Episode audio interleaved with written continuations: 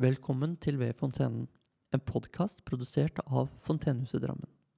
I denne podkastserien intervjuer vi forskjellige politiske partier og stiller alle partiene de samme spørsmålene.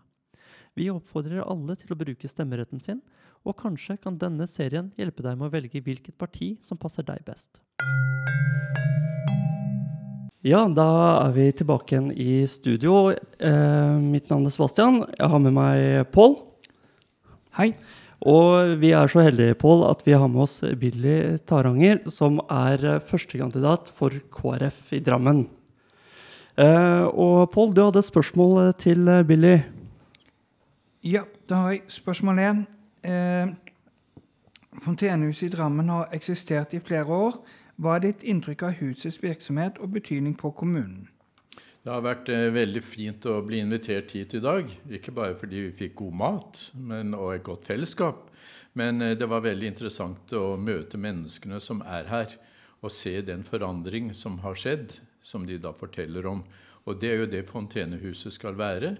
Et sted hvor mennesker får arbeidserfaring, opplever sosial trygghet og må også ha noe å gå til fast. Så jeg ser altså at Fontenehuset betyr veldig mye for mennesker som det er kanskje litt vanskelig å få hverdagen til å gå i hop. Og eh, vi ser at eh, de som er her, de trenger da litt tett oppfølging fra helsevesenet, som de kanskje ikke får, men som de da nettopp kan få her. Så jeg blir imponert ikke bare over alle fargene her, men de fargerike menneskene som er på Fontenehuset i Drammen. Mm. Fontenehuset i Drammen har vært eh, finansiert med tilskudd fra kommunen og Helsedirektoratet og med momskompensasjon. Nå er momskompensasjonen bortfalt, og departementets tilskudd er redusert, noe som har ført til en økonomisk vanskelig situasjon for Fontenehuset. Hvilke tanker har ditt parti gjort om videre finansieringsmodell? Ja, alle trenger penger. Selv jeg, holdt jeg på å si. Og dere i særdeleshet. Fordi dere er finansiert ved tre søyler, nemlig ved, via departementet, via kommunen og ved momskompensasjon. Så når den ene søylen falt bort, så skjønner en at det intet hus kan stå trygt på bare to søyler når det ellers er tre.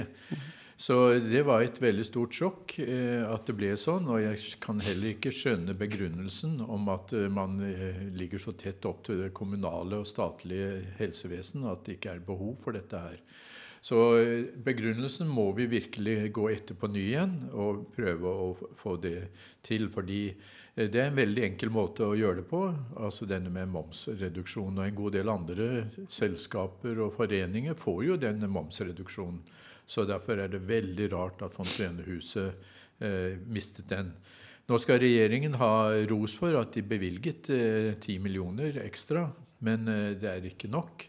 Og så er jeg glad for at kommunestyret i Drammen, eh, med posisjonen, men også med støtte fra oss som ikke er i posisjon, at man eh, bevilget eh, da et lån, rentefritt lån, sånn at dere kan klare dere over eh, tiden. Men eh, alle trenger forutsigbarhet. Jeg er pensjonist, og jeg må vite at hver måned så kommer lønna inn, også neste år hvis jeg lever, og om fem år og ti år.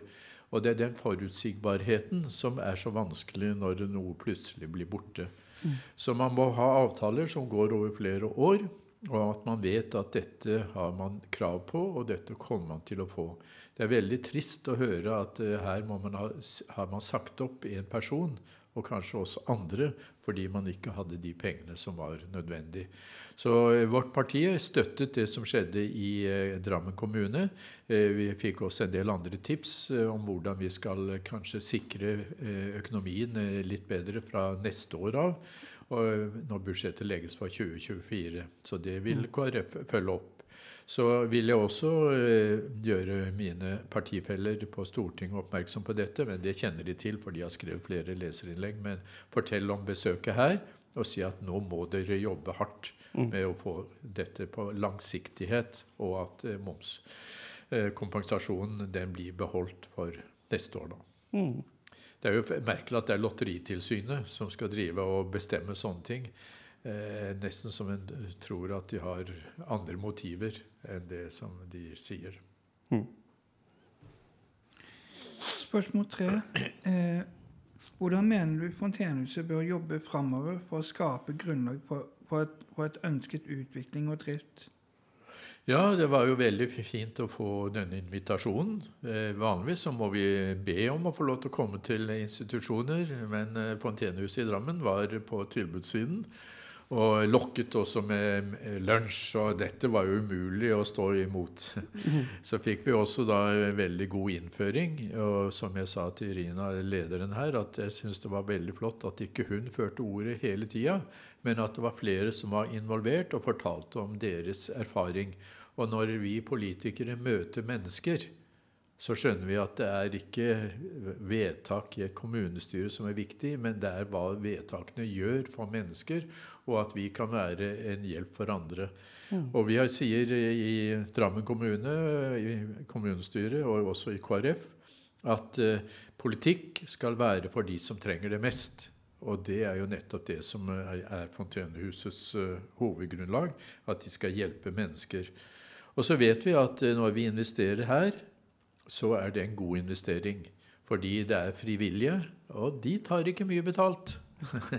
I motsetning til kanskje flere hundre tusen som en eh, vanlig arbeider skal ha, selvsagt. Mm. Så det betyr mye å støtte frivilligheten. Og så vet vi også at et menneske som kommer ut i arbeidslivet, det er flere millioner spart over et par år. Så dette er investering som med kjempehøy rente tilbakegang. Så det er viktig å invitere folk hit, sånn at man ser og møter de som er her. Mm. Og hva har du gleder deg mest til i sommer, eh, Billy?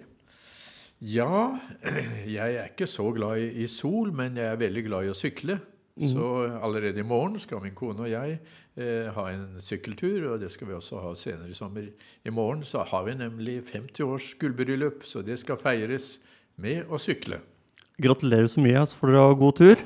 Tusen takk for at du kom til oss, og så lykke til med valget. Takk for det. Takk for at du hørte på, og stor takk til politikerne i Drammen kommune som stilte opp i podkasten vår. Bruk stemmeretten din, og godt valg!